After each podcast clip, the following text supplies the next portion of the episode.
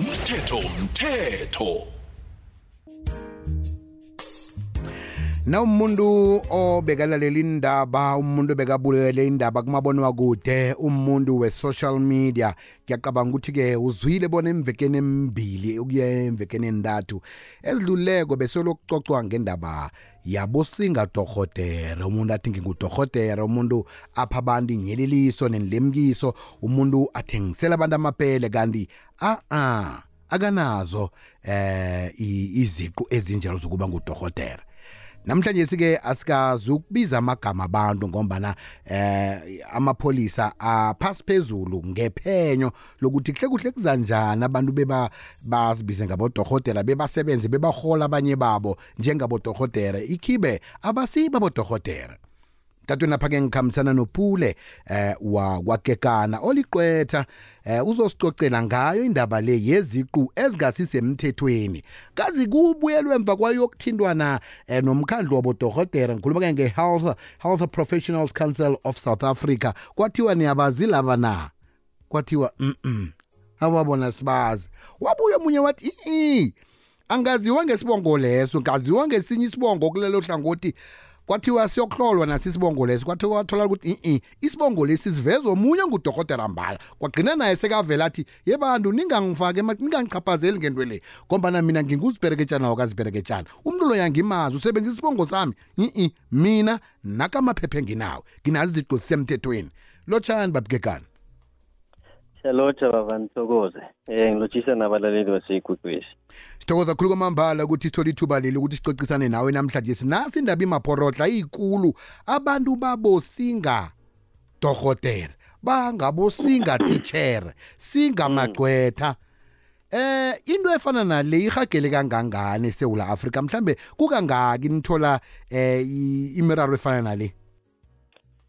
Yo, into engizoyikhuluma ukuthi iyasithusa kakhulu. Namanje ngisathukiwe. Eh ukwazi ukuthi abantu bakhona ukuthi ngaphandle eh bazitshele bachazela umphakathi ukuthi bona amagcwetha. Only to learn ukuthi awu wacha. Eh nama professional bodies are recognize abantu abafana nabodokotela ababazi. And abana ma records. Uconfirma lokho. Eh ama-case afana nalana akhona but akaveli kaningi eh because yazi la eSouth Africa sinemithetho emibili imithetho lo obenza wenza kahle o obheka ukuthi umthetho uholdiwa um accountably specifically on the particular person ophulileko and then kunalo yabahambisa ngaphansi kwamamati so into ezifana nalezi ziyavela kumbe at the same time zidisappear ngayichaza kanjalo.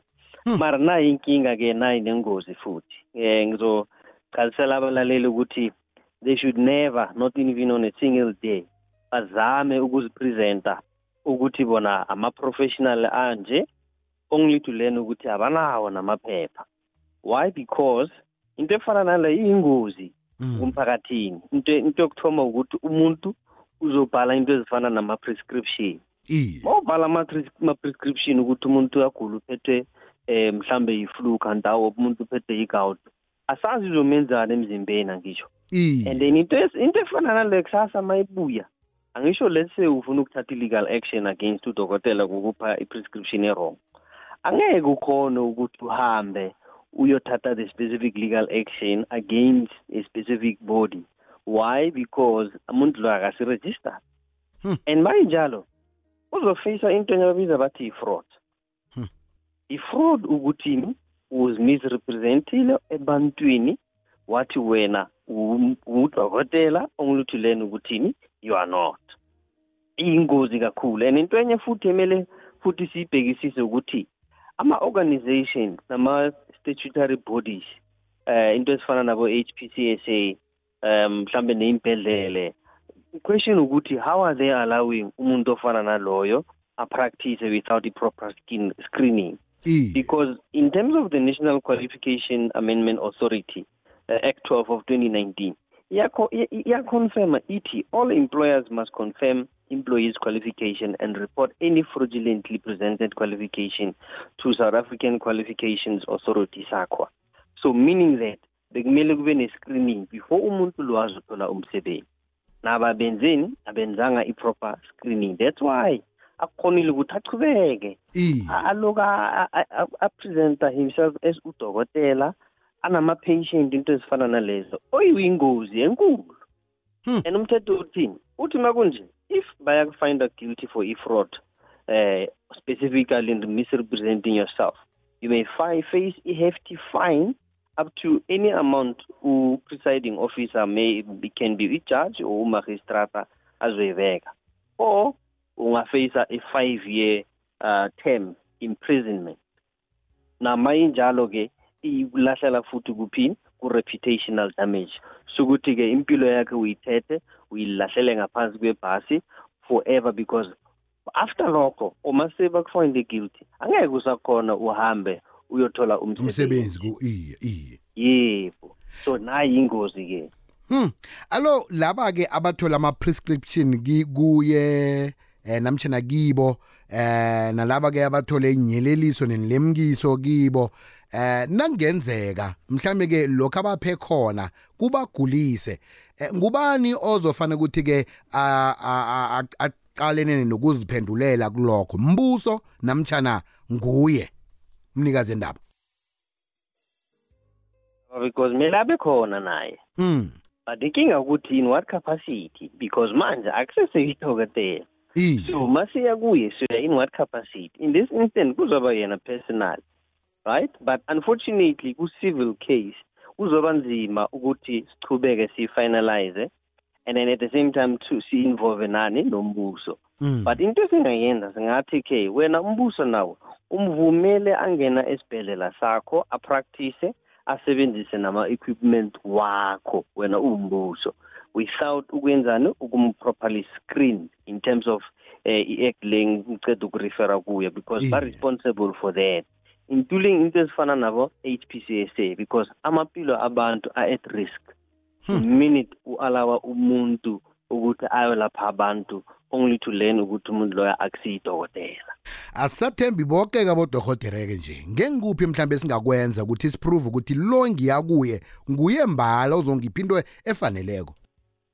There's a specific stra- uh, uh, statutory body ebayibiza bathi i-hpcsa eh urefere kuyo earlier on mawuvula. I. Eh yibo-ke baconfirmayo ukuthi idokotela efana nalena yes banayo ama-record wabo.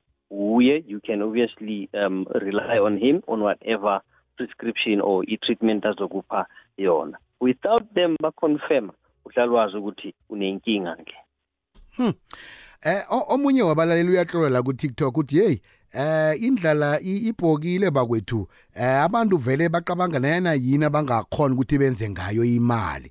Bese ke Mhm. iye mhlambe ke yabona kuba ngcono nangabe uthi wenza imali bese kubanjwa wena eh ufele izono zakho. Kodwa wena seyifaka nama nempilo zabanye abantu kuba mraro ngombana kunabanye abantu abathembela kuwe kunalento oyikhulumako bathi iye vele injalo. Nasebathinteka eh kabuhlungwana ngempilo zabo kuba budisana ngombana awusa Mm. awukhambi wedwa la. Ukhamba nesitshaba yebo kuyiqiniso ke lokho and kuyingozi futhi. Mm. it is for that reason abantu abafana no- nomuntu lo aceda ukuzipresenta manje any interested party kahle kahle bemele ukuthi bathathe the necessary legal action.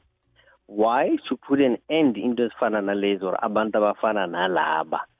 So that umthetho can set a basic simple example ukuthi impilo zabantu cannot be proportionated to i-lifestyle angeke udlale ngempilo zabantu just to go and float or flaunt or uy- uyotrenda kwinto ezifana nabo-social media. You cannot be doing that risking other people's life.